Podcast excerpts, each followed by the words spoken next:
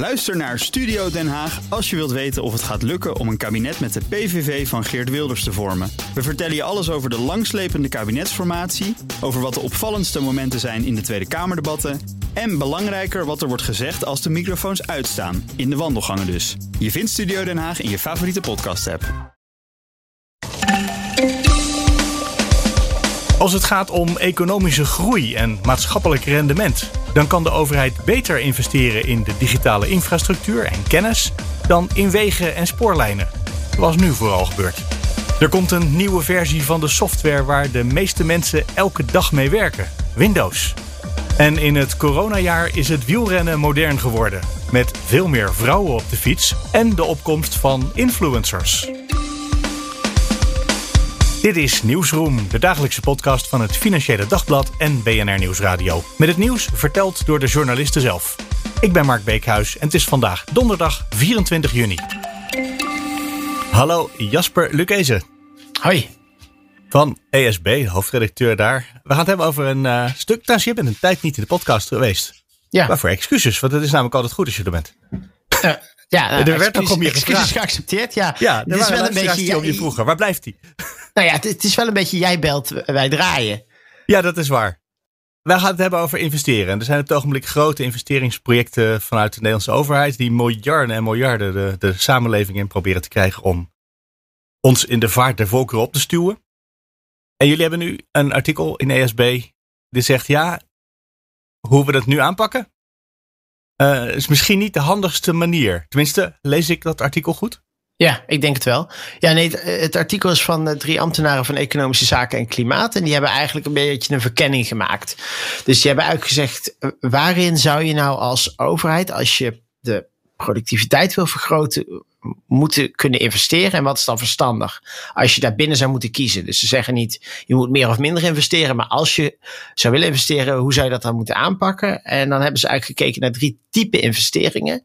De eerste is de, de klassieke investeringen in wegen, uh, ja, zowel voor de auto als voor de boot en uh, spoor. De tweede is wat zij dan noemen kennisinfrastructurele diensten. Uh, daarmee bedoelen ze eigenlijk uh, uh, de kennisinstellingen die we in Nederland hebben, van universiteiten tot de TNO's en de RIVM's. En de toepassing van die kennis bij, um, bij bedrijven en alle subsidies die daarvoor zijn. Um, en de digitale infrastructurele diensten. En dan heb je het gewoon klassiek over de kabels voor telefonie en data, maar ook over allerlei apps en uh, allerlei uh, digitale uh, initiatieven om data beschikbaar te stellen, bijvoorbeeld. En ja. nou ja, als je naar die drie dingen kijkt, dan zeggen ze eigenlijk of je nou naar groei kijkt, puur of ze economische groei moeten bewerkstelligen, of dat ze ook op andere manieren aan de maatschappij moeten bijdragen. Dus hè, aan vergroening en verduurzaming en um, meer toekomstig verdienvermogen.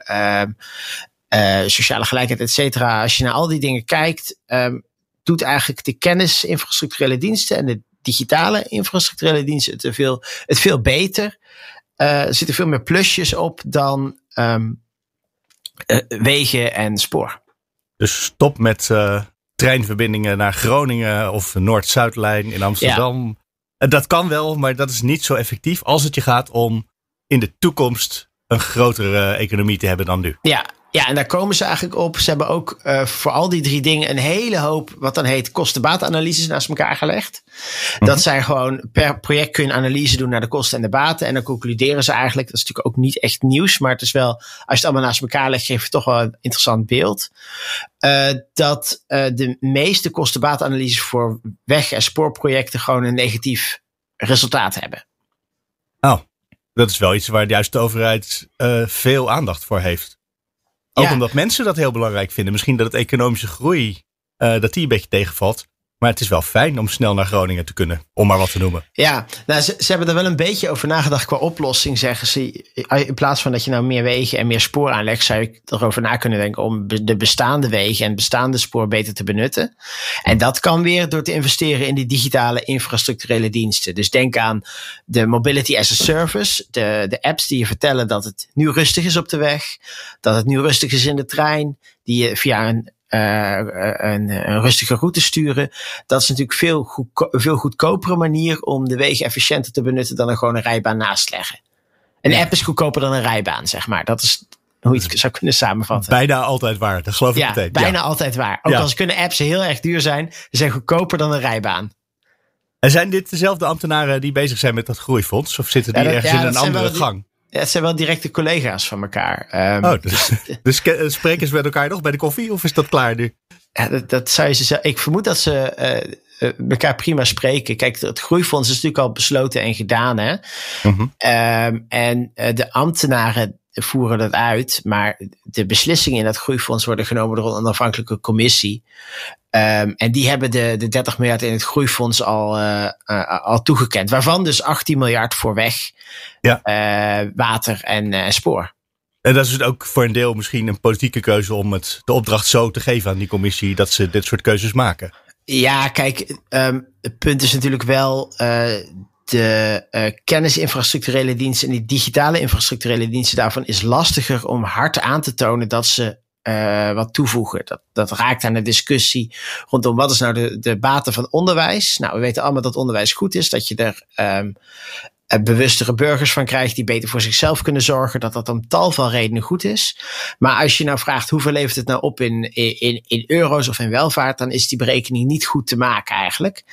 Um, en ja, zij zeggen eigenlijk, gegeven alle randinformatie die we hebben uit de literatuur, alle onderzoeken die erover zijn, lijkt het toch wel op dat uh, ook al kun je dat voor het individuele project niet maken, dat het verstandiger is om in kennis en digitale infrastructuur te investeren. Dan heeft die commissie, de Groeifondscommissie natuurlijk de opdracht gekregen, hè, moet direct bijdragen aan de groei en wel op enigszins acceptabele uh, korte termijn of middellange termijn, zeg maar. Ja, en dan kom je uiteraard toch wel weer uit bij weg- en infraprojecten. Heeft ook te maken met de inrichting, eh, de opzet van het groeifonds. Dat is natuurlijk ook een fonds wat de politiek heeft neergezet, omdat de politiek zelf niet kon besluiten over die. Eh, ja. Dus kreeg je dat de handen niet voor op elkaar. Welke projecten dan? Dus hebben ze gezegd, nou, commissie, experts, gaan jullie dat besluit maar nemen. Hoeven wij het niet meer te doen. En als de conjunctuur tegenvalt en we moeten bezuinigen, dan zit dat bij externe. Dan kunnen wij eh, ook niet meer die projecten cancelen. Ja. Dus de oplossing is een oplossing voor een bestuurlijk probleem, dat groeifonds eigenlijk. Ja, ja, dat is waar. Uh, als je, als stel je voor dat we meegaan in dit advies of in deze verkenning en de conclusie trekken. Wij moeten dus meer in al die digitale zaken uh, ja. investeren. Um, zijn daar genoeg projecten voor? Want dat is een ding wat bij investeringen nog wel eens lastig wil zijn. Dat je zegt, nou, we moeten wel in dat soort projecten investeren. Maar zijn ze er? Nou, kijk, projecten zijn natuurlijk gewoon te verzinnen en te maken. Uh, dus op dit ja, wel, maar je gaat ja. natuurlijk geen, geen dingen maken die we niet nodig hebben. Nee, maar je komt al. Precies. Dus, maar het, het, punt is, hoe toon je dat nou aan? Kijk, als je wil gaan investeren in die kennisinfrastructurele diensten, bijvoorbeeld, uh, dan uh, denk je, nou, we gaan betere databanken opzetten. Nou, heb je, kan. Gaan we, daar, gaan we daar een organisatie op zetten die dat gaat doen? Heb je weer mensen voor nodig. Mm -hmm. Maar voordat je het dat, soort, dat, dat type grotere projecten die je zult moeten doen, die zijn heel lastig. Wat makkelijker is op dit front is gewoon bijvoorbeeld personeel bij die instellingen beter betalen, meer salaris bieden en zo. Maar dat levert je niet direct wat op. Dus de, het, het, ja. het issue hier is dat het in dit in, wil je in kennis of in de digitale infrastructuur investeren, is het heel lastig om aan te tonen dat je euro wat oplevert. Kijk, bij een weg kun je zeggen, ik heb die euro's uitgegeven en die weg ligt er nu. Ja. Bij die uh, digitale infrastructurele diensten, dat gaat en bij de kennis gaat het heel vaak in de vorm van subsidies. Um, of belastingaanpassing, belastingverlaging of zo, belastingkortingen bij de WBSO-regeling bijvoorbeeld. Ja. Ja, daarvan is heel lastig aan te tonen dat, uh, dat de investeringen die de private sector uh, doet, niet waren gedaan zonder die belastingkorting. Bijvoorbeeld. Dus de, ja. de um, de, de effectiviteit van die maatregelen is, eh, is heel lastig uh, uh, hard te maken. Maar zou dan misschien de overheid vaker moeten zeggen: Nou, wij vinden het belangrijk dat er een bepaald soort database is en die moet nu gemaakt gaan worden? Ja. Voor iedereen om te gebruiken of uh, tegen vergoeding, maar. Ja, precies. Nee, dat, dus... dat, dat, dat zou kunnen, maar dat, de vraag is natuurlijk: hoe richt je dat in en welke database? Um, het, het, um, de, laat ik het op een andere manier proberen te zeggen. Uh, het, groot, het punt met uh, die digitale en die kennisinfrastructuur is dat je nog niet weet wat je kunt als je dat direct gecreëerd hebt. Aha. Hè, dus je, je kunt nu gaan investeren in fundamenteel onderzoek. Dat is het beste voorbeeld, denk ik. Maar wat dat nou oplevert op termijn, is niet bekend. Dus je kunt, um, je kunt heel lastig hard maken dat, dat dat een goede investering is. Terwijl voor die weg is het ietsjes makkelijker om dat hard te maken. Ja, hoewel het ook wel, als ik het artikel lees, gaat over enabling technologies, zoals dat zo verschrikkelijk lelijk heet. En dan denken ze aan uh, allerlei zaken rond quantumcomputers bijvoorbeeld. Ja, maar dat is natuurlijk precies hetzelfde probleem. Uh, je hebt wel een idee wat een quantumcomputer zou kunnen doen, maar je weet niet of quantum inderdaad zijn belofte waar kan maken met zekerheid. Hè? Ja. Dus je hebt mensen die werken aan quantumcomputers die zeggen: geef ons geld, dan bouwen wij een quantumcomputer. Nou, geef je geld, bouw ze een quantumcomputer. In hoeverre is dat nou echt nuttig en gaan we dat nou echt op grote schaal gebruiken? Dat weet je gewoon van tevoren niet. Hebben ze ons teruggebracht bij dat we nu uh, creatief moeten zijn. We moeten dingen verzinnen, dingen willen, de samenleving in de toekomst maken. Ja, precies. Je moet, je moet wat, um, wat minder behoudend en wat, uh, wat, uh, wat meer ondernemend zijn als overheid. Zo kun je dit ook lezen. Ja, ondernemend. Ik zit te denken aan de maanlanding die uh, bijvoorbeeld met ja, dus Amerika dus besloten had nodig te hebben. Ga jij nu naar Matsukato toe met de moonshots? Nee, ik wilde het woord moonshot niet gebruiken en zei daarom juist het woord uh, maanlanding. Maar dat is natuurlijk wel, op een goed moment had de overheid besloten, dit vinden we leuk, gaan we doen. En er waren allerlei redenen waarom ze dat leuk wilden vinden. Ja, goed, maar kijk, quantum is natuurlijk precies zoiets. Hè? Ja. En overigens, uit het groeifonds gaat ook geld naar de ontwikkeling van quantum. Um, dus um, de overheid doet wel degelijk dat soort dingen. Zij pleiten er alleen voor dat er meer van dat soort dingen gaan gebeuren en minder uh, weg en, mee, weg en, en spoor. En dit is in ieder geval kennis die nu in de gangen van het ministerie van Economische Zaken en Milieu trouwens, Klimaat, ja. Uh, daar uh, bekend is. Dus dit gaan we waarschijnlijk in de komende jaren bij overheidsbeleid wel toch terugzien, denk ik dan. Hè? Ja, je moet dit vooral zien, dit stuk, als een verkenning van de argumenten. Zij zetten dit heel, heel helder neer. En wat je dus nu gaat zien de komende jaren is dat ambtenaren, als uh, ministers hun om advies vragen, vaker zullen zeggen: kijk eens richting digitaal en kijk eens richting kennis als je wil gaan investeren. Maar uiteindelijk zijn het natuurlijk de politici die de baas zijn. Ja. Um, en uh, als uh, de mobiliteitsalliantie, de spoorbedrijven, de, de, de, mensen van de vervoerssector hun lobby op orde hebben, ja, ja, dan kunnen die ambtenaren adviseren wat ze willen, maar dan gaan we gewoon meer spoorlijnen en meer wegen krijgen. En voor je het weet hebben we het over slimme snelwegen. Ja, nee, maar slimme snelwegen valt dus onder de definitie van deze mensen. Onder de digitale oh, uh, infrastructurele diensten. Dus dat, dat kan, hè. Dat is gewoon, uh, het is waarschijnlijk ook weer goedkoper om een snelweg slim te maken. dan om er een baan bij te leggen. daar heb je vast gelijk in. Jasper Lukezen, dankjewel. Alsjeblieft. Hallo, Stijn van Gils van het Financieel Dagblad. Dag Mark. We gaan het hebben over Windows. En op een willekeurige dag in het jaar zou je me kunnen vragen: Windows, is er echt iets wat zo saai is waar we het toch over moeten hebben? Want Windows zit gewoon op je computer. Uh-huh. En, uh, en dat is het. Ja. Maar toch, hè? Toch, toch ja. Er komt nu, en dat had, had eigenlijk vrij weinig mensen verwacht, een, een nieuwe versie van uit. Een, een nieuw versienummer. Dus we gaan van Windows 10 naar Windows 11 waarschijnlijk. Uh. Is het goed nieuws dat er een nieuwe versie komt van Windows? Uh, je, want je zei, er zou nooit meer een nieuwe versie komen. Dat klopt mij heel geruststellend in de oren. Uh -huh. um, ja, ontwikkelaars waren er wel blij mee dat, uh, dat er niet meer een nieuwe versie zou, uh, zou komen. Um, en, en dat de wijzigingen wat meer geleidelijk aan naar voren kwamen. want dat, dat maakt hun werk gewoon makkelijker. Het is, het is heel lastig op het moment dat je een echt nieuwe versie van het besturingssysteem krijgt. Dan moet ook software daar weer op worden aangepast. En dat ja. was eerder met, met Windows toch wel lastig. Um, dus in die zin zijn ontwikkelaars er waarschijnlijk niet heel blij mee. Uh, tegelijkertijd zeggen ook wel veel mensen: uh, ja, het werd alweer eens tijd dat, uh, dat Windows een opfrisbeurt kreeg. Um, ja, en de vraag gaat vooral zijn: wat, wat gaat die nieuwe Windows-versie precies inhouden? betekent dit een hele radicale wijziging voor ontwikkelaars of niet? als, als ontwikkelaars gewoon op dezelfde manier kunnen blijven werken met die nieuwe versie, Aha. dan denk ik dat heel veel mensen er er wel blij mee zullen zijn.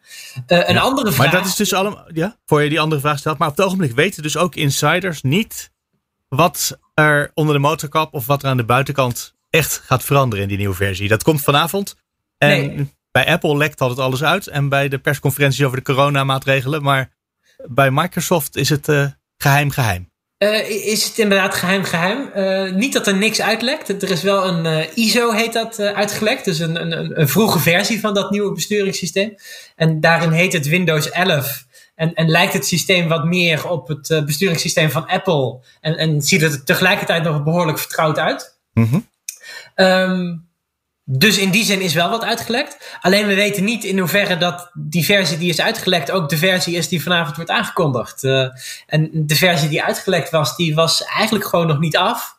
Um, dus uh, uh, ja, ik, ik, denk als dit daadwerkelijk is wat vanavond wordt aangekondigd, dat, uh, ja, dat heel veel mensen ook wel teleurgesteld zijn. Want dan stelt het niet, ook weer niet heel veel voor. Ja, ik heb net even een beetje gegoogeld en dan vind je inderdaad video's waarin mensen werken met die, die, ja, die verse versie, die nieuwe versie. Het heeft wel inderdaad een heel erg Apple gevoel. Ja, ja. En ik vind dat ze dat op zich in, in hoe het er visueel uitziet ook wel slim gedaan hebben. Want wat, wat voor Windows heel moeilijk is, ze zijn marktleider. Uh, bijna iedereen heeft dat besturingssysteem op zijn computer draaien. En een heel groot deel van die gebruikers, die uh, heeft eigenlijk helemaal niet zo heel veel met een computer. Een computer moet het gewoon doen, klaar. Je wil gewoon Excel kunnen opstarten en verder geen gezeur. En, en, en verder niet dat het inderdaad op een andere manier gaat of zo.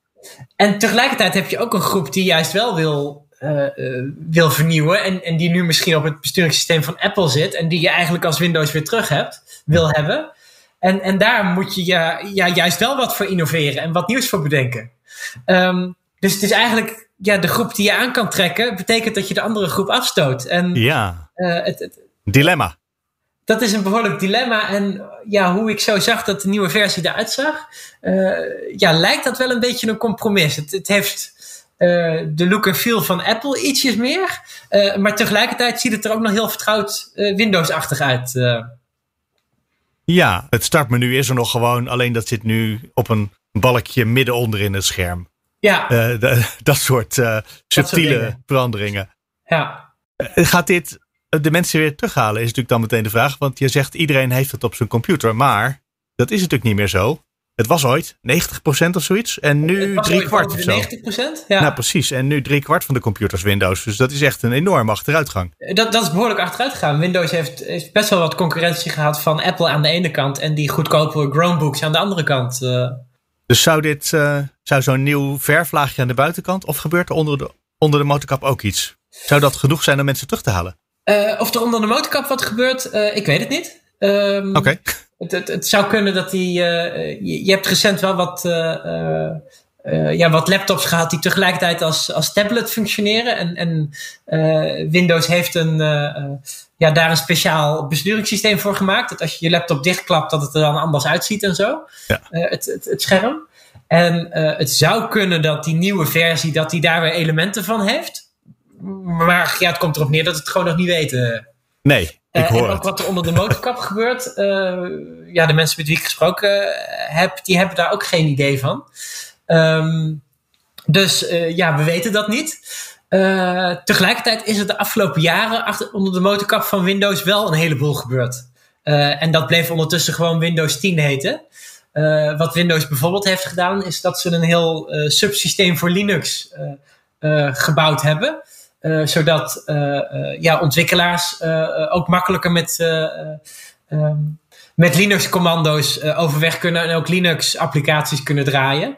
Um, dus ja, misschien dat die ontwikkelingen onder de motorkap, dat dat juist eigenlijk niet de focus is nu. Dat het meer om de consument gaat die eigenlijk helemaal niet geïnteresseerd is in wat er onder de motorkap gebeurt.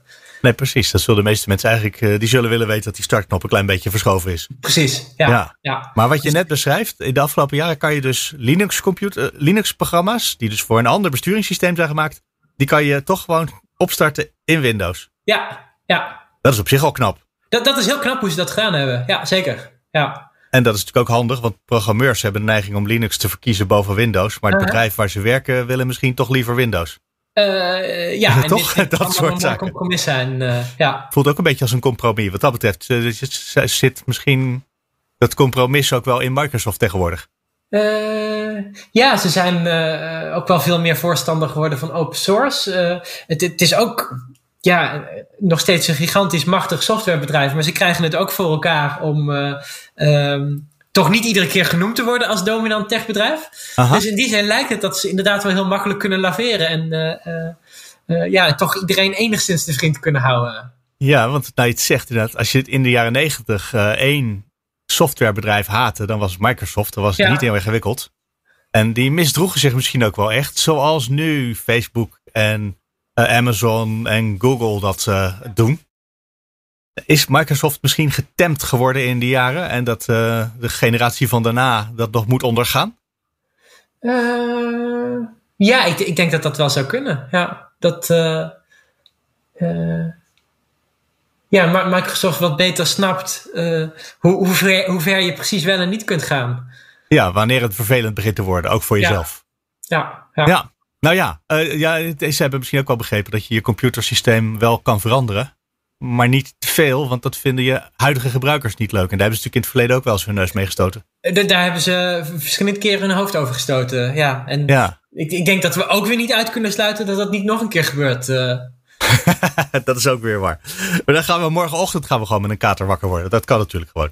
Dat, uh, dat zou goed kunnen. Ja, de, de persconferentie trouwens vanavond uh, te zien. Ook voor, ja, voor pers is het een speciale stream. Ik, ik ga wel even kijken. Ja? Ehm, maar er is ook een, eh, een publieksversie beschikbaar. En kunnen we die vinden via het FD misschien? Uh, misschien ik zal wel even een linkje aan het webartikel toevoegen. Oh, dat is slim. Er komt vanmiddag nog een nieuwsbrief waarin in ieder geval dat linkje aanvankelijk in ieder geval wel stond. Ik weet niet of het door de eindredactie gekomen is. Meld je snel even aan voor de tech nieuwsbrief bij het Financieel Dagblad. Misschien dat ik daar dan weer een linkje daar kan zetten bij de show notes van deze podcast. Ja. Ja. Vind je alles bij uh, bnr.nl slash nieuwsroom. Dan zijn we er, want voor de rest weten we het niet. Hè? Voor de rest is het gewoon afwachten wat er vanavond, hoe laat eigenlijk, uh, gepresenteerd wordt. Uh, het, het, het, begint geloof ik om vijf uur. Om vijf uur. Bord op schoot. ja, zoiets, denk ik. Ja. Stijve Gils, dankjewel. Graag gedaan. Ik fiets al best wel een tijdje en dan kom je best wel veel van dit soort... Ja, dan zie je het gebeuren, zeg maar. Dus je ziet okay. inderdaad, zeg maar, nou ja, dan zie je corona gebeuren en dan zie je sowieso dat het opeens heel druk wordt op alle standaard fietsrondjes. Maar dat er dan allerlei mensen eerst in een heel krakkemikkerig uh, oude fiets Ah, en in een normaal sportshirt of in een voetbalshirt zelfs, wat natuurlijk echt totaal niet kan in de wielerwereld, nee. op een fiets gaan zitten. En dan langzaamaan zie je dat dat steeds meer een beetje, uh, en ook mensen in je omgeving, dat die steeds meer inderdaad ook de, de, de juiste gadgets en de juiste kleren en de duurdere fietsen en uh, en al dat soort dingen gaan kopen. En ook steeds harder gaan fietsen en zo. Dus dat is wel een ah. beetje. Uh, dat zat wel een beetje achter dit verhaal. Dus uh, ja. Terwijl je zou denken, als het hier gaat om je conditie, dan moet je juist een zo brak mogelijke fiets hebben. Zodat je zoveel mogelijk weerstand moet overwinnen. Ja, eigenlijk wel hè. Ja. Maar, maar het is ook wel heel leuk om hard te gaan. ja. Vind ik in ieder geval zelf. ik ben van een andere stijl uh, fietsen. Ja.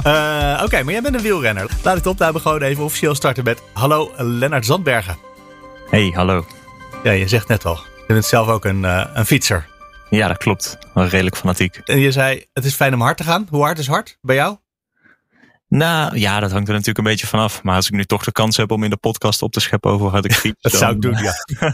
dan kan ik wel mijn rondjes met 35 per uur doen, ja. Oh ja, dat is best wel veel. Voor als je doet wat ik doe. Maar goed, ik heb dan. ook een. Uh, nou, wat zal het zijn? Misschien 20 of zo? Oh ja. Maar dat is, vast maar dat is ook een hele stevige fiets met een hangslot en alles. Oh ja, nee, dat, uh, dat uh, scheelt heel veel kilometers. Jij was aan het fietsen en toen dacht je ineens, iedereen heeft uh, ook wel een goede fiets inmiddels. Dat was een jaar geleden anders. Ja, dat klopt. Ja, ik fiets al best, best wel een tijdje. En ehm, ja, wat eigenlijk wel grappig is om te zien, zeg maar, als je dan aan het fietsen bent, is van, nou ja, wat voor fietsen hebben de andere mensen op de weg? Wat voor mensen kom je tegen eigenlijk als je ook aan het fietsen bent? Mm -hmm. En ehm, nou ja, dat waren natuurlijk uh, van oudsher. Als iedereen aan de fietsen denkt, dan denkt hij aan een uh, wat oudere man in een lekker strak pakje op een dijk die tegen de wind in aan het stompen is. en ja. Um, nou ja, dat is eigenlijk toch wel een beetje veranderd, viel me op. Uh, zeker eigenlijk sinds corona. natuurlijk dat alle, alle sportscholen, weet ik het wat, dicht gingen. en dat iedereen zoiets had van, ja, wat kan ik dan nog wel? Nou, fietsen. Er staat nog een oude fiets bij mijn ouders in de schuur, laat ik die maar pakken.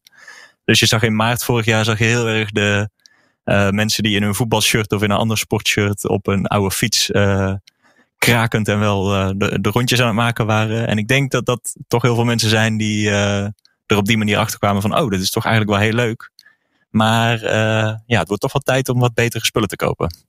En in het afgelopen jaar hebben we natuurlijk ook in de krant al een heel aantal verhalen gehad over onderdelen voor fietsen die niet meer verkrijgbaar zijn. Fietsen überhaupt, die niet meer te koop zijn. Als je het heel lief vroeg, dat zo'n fietsmaker alleen maar zei: Ja, u bent hier al heel lang mijn klant. Daarom ga ik het voor u regelen. Maar al die nieuwe mensen, die moet ik niet ja, hebben. Geen kans inderdaad. Nee dat, nee, dat klopt. En zeker bij die instapmodellen. Dus een beetje de fietsen, uh, ja, schrik niet tot de 1000 euro. Dat wordt toch een beetje gezien als de, als de instappertjes. Nou ja, daar uh, was het inderdaad echt heel moeilijk. Uh, ik heb dat van heel veel vrienden ook gehoord. Die echt zo zaten van, ja, ik wil toch wel een fiets. Maar ja, wat, Lennart, wat moet ik nou hebben? En dan ga je, en dan wil je ze helpen. Alleen dan, uh, ja, dan zie je ook dat, dat er eigenlijk niks meer te krijgen is. En uh, dat je maar geluk moet hebben van, uh, nou ja, oh, nou, dat is er nog. Doe dat dan maar.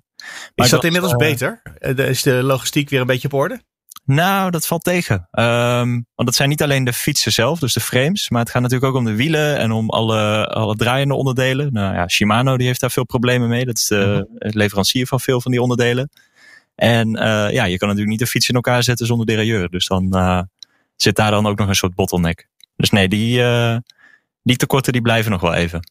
Ja. Er zijn cijfers ook van de Nederlandse Tourfietsunie dat er vorig jaar in een jaar tijd 200.000 mensen zijn begonnen met fietsen. Uh, nou ja, dat zijn, dat zijn er best wel veel. Want het waren in de, in de, in de jaren daarvoor waren het er gemiddeld 50.000 per jaar. Nou ja, dat zijn dan toch wel een hoop extra fietsen die, uh, die je niet op voorraad hebt natuurlijk. Ja, en dit is vast niet alleen in Nederland zo, maar dan ook in Duitsland en ook in Frankrijk en ook in Engeland, overal ja, gewoon. Exact. Ja, ja, klopt. Dus al die landen hebben ineens uh, vier, vijf keer zoveel fietsen nodig. Ja, klopt. Ja, en het is wel grappig om te zien ook, want um, ik was laatst in zo'n, ja, dat zie je in het fietsenland tegenwoordig ook heel vaak. Je kan niet alleen maar een fietsenmaker zijn, dan moet je ook een koffiezaakje hebben met uh, het liefst vijf verschillende soorten koffiebonen. Dus je een beetje Tuurlijk. kan kiezen wat je, wat, je, wat je gaat drinken. Want dat moet ja, dan fietsen is natuurlijk geen sport, het is een lifestyle, dat snap ik. Ja, absoluut, absoluut. en, uh, maar ja, als je in dat soort winkeltjes bent, dan zie je wel van, nou ja, je hebt heel veel keuze in koffie, maar uh, als het dan om onderdelen gaat, dan zie je toch dat, dat, ja, dat de schappen best wel leeg zijn. En dat, uh, ja, dat is ook gewoon een wereldwijd uh, nou, probleem eigenlijk. En meestal en toch, komen ze dan toch nog wel aan de onderdelen, maar het is toch allemaal wat minder en wat moeilijker. En misschien wat duurder, dat de duurdere onderdelen er nog wel zijn, maar die goedkope even uitverkocht allemaal. Ja, precies. Ja. ja. Uh, en toch zijn heel veel mensen wel op de fiets gestapt dit afgelopen jaar. En je beschrijft ook in je artikel dat ze in de loop van het jaar de fietsen beter geworden zijn. Ja. zie je nu andere mensen op de fiets om je heen? Zijn het uh, misschien meer vrouwen die ook zijn gaan fietsen in het afgelopen jaar? Ja, dat is uh, eigenlijk een hele opvallende trend eigenlijk. Um, nou ja, van oudsher was die fietser dus inderdaad, wat ik al zei, een beetje zo'n uh, zo'n oude man. Een, of iemand die echt heel fanatiek aan het fietsen was, een wedstrijdlicentie had, bij een, bij een wielervereniging zat en zo zo rondjes deed. Maar het zijn tegenwoordig toch wel echt veel meer andere mensen. En inderdaad, mensen die, uh, ja, die, veel meer vrouwen inderdaad. Uh, veel meer jonge mensen. Veel meer, uh, ja, mensen die het om, om meer doen van, oh, we gaan even gezellig een, een rondje doen om een beetje bij te kletsen. En veel minder, ja, echt voor het keiharde sporten en de snelste willen zijn. Dus wat dat betreft ook op een bepaalde manier wel een beetje het nieuwe golf geworden. oh jee. Ja, ja, ja. Dat klinkt helemaal niet positief. Hoe bedoel jij het? Want ik, ik hoor je dingen in, maar misschien hoor, uh, bedoel je die niet. Nou, dat het ook wel een beetje de sport is die, uh, die mensen die bijvoorbeeld een zakelijke afspraak hebben, samen eventjes een rondje gaan fietsen. Uh, en op die manier, nou ja, en elkaar ja. laten zien dat ze een beetje hard kunnen. Of bij het, golf, bij het golf dat ze toch wel een beetje goede techniek hebben. maar dat het eigenlijk niet gaat om, om ja. dat. Er hoeven geen wereldrecords gebroken te worden. Nee, precies. Uh, op de achtergrond spelen ook, dat vond ik leuk te lezen in het artikel wat jij gemaakt hebt, influencers een rol. Ja. Uh, zijn dit ook gewoon de klassieke uh, eh, 20-jarige meisjes die een YouTube-kanaal hebben? Ik vind het al wel mooi dat dat, dat dat al een klassieker is. Ja, dat is toch een soort van klassieke influencer? Ja, dat is wel het beeld wat, wat iedereen natuurlijk meteen heeft. Ik kan ook Enzo Knol noemen, maar dat is een andere categorie ja. Nee, die heb je inderdaad ook best wel. En dat is natuurlijk, ja, dat is eigenlijk wel ook wel een leuke trend. Want uh, nou ja, de hele wielersport is een beetje begonnen uh, eigenlijk door de fietsfabrikanten. Die hadden zoiets van, oh nou, we hebben een fiets gebouwd en nu moeten we eventjes aan uh, de wereld bewijzen dat je hier heel hard en heel lang op kan fietsen. Dus dat is hoe de eerste wielerwedstrijden eigenlijk tot stand kwamen. En nou ja, tot een paar jaar geleden veranderde er in die marketing van die fietsen eigenlijk ook niks. Het was ook gewoon, nou ja, je sponsort als fietsfabrikant een een ploeg die meedoet aan de Tour de France. En dan laat je zien van... Dat is het. Ja. Uh, onze fietsen zijn echt heel goed. Uh, en dat is nu toch wel een beetje veranderd. Je ziet toch veel meer dat, inderdaad ook op YouTube. Uh, mensen, uh, nou je hebt Bas Tietema, die heeft Tour de Tietema. En dat is zelf is hij nog een paar jaar op, op, op het profniveau actief geweest. Maar hij is toch vooral filmpjes gaan maken. waarin hij gewoon een beetje ja, leuke dingen doet rond het fietsen. Dus dan maakt hij filmpjes over hoe hij heel veel pizza's uh, gaat bezorgen op de Champs-Élysées als daar net de Tour de France is gefinished. Of dan gaat hij proberen om ervoor te zorgen dat in het Tour peloton mensen een wheelie maken bergop in, de, in een etappe. En dan gaat hij kijken wie er dan het verste komt. Nou ja, een beetje van dat soort, uh, dat soort omgein. En uh, nou ja, daarmee weet hij ook wel veel producten aan de man te brengen. En dan gaat het om zijn eigen producten. Dus hij heeft zijn eigen shirtjes en uh, fietsonderhoudpakketten en weet ik het wat allemaal. Maar toch ook wel uh, nou ja, de fietsen van, uh, van Cervelo die hij, uh, waardoor, waardoor hij gesponsord wordt. nou ja, je ziet het ook voor een ietsje andere categorie is het Laurens ten Dam. Die, -hmm. nou, die zet zich echt neer als een lekker avontuurlijke fietsende vader die er heel erg van houdt om, om zijn rondjes te fietsen, maar toch ook wel een lekker leventje buiten het fietsen te hebben. Dus uh, nou ja, die, die brengt de fietsen van Specialized aan de man. Maar tegelijkertijd uh, doet hij ook dingen met wijnpakketten van wijnvoordeel.nl. En dan gaat, oh ja, dan, dan zitten we toch weer in de categorie van de, uh, de golfers die eigenlijk zijn gaan fietsen. ja, precies.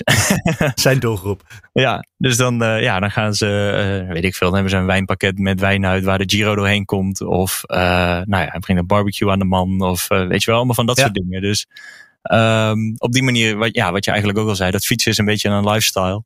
En ja. uh, nou ja, daar spelen al deze mensen een beetje op in. En die worden daar goed voor betaald. Dankjewel, Lennart Sandbergen. Graag gedaan. Hoi. Je kan altijd reageren. Mail naar nieuwsroom.bnr.nl of nieuwsroom.fd.nl. En vandaag is het rustig in de mailbox van Nieuwsroom. Behalve één berichtje van Joost en Robert. Beste lezer, Hieronder twee links naar een dance rock nummer van de Haagse band Roest. En Roest spel je met een uitroepteken trouwens. Het is een stevig nummer met een Nederlandstalige tekst in een zomerse sfeer. Opnemen in een playlist en verdere verspreiding of feedback wordt zeer op prijs gesteld. Geef mij maar een biertje en een bitterbal.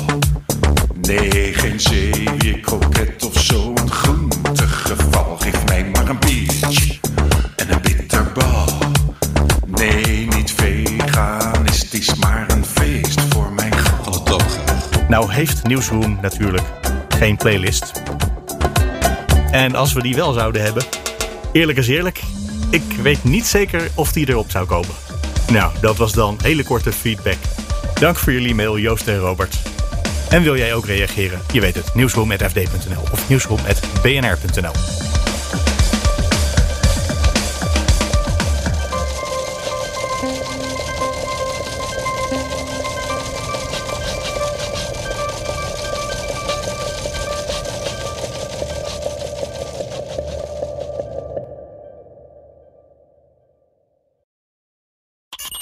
Bas van Werven vind je in de BNR-app. Ja, je kunt live naar mij en Iwan luisteren tijdens de ochtendspits. Je krijgt een melding van Breaking News. En niet alleen onze podcast Ochtendnieuws, maar alle BNR-podcasts vind je in de app. Download nu de gratis BNR-app en blijf scherp.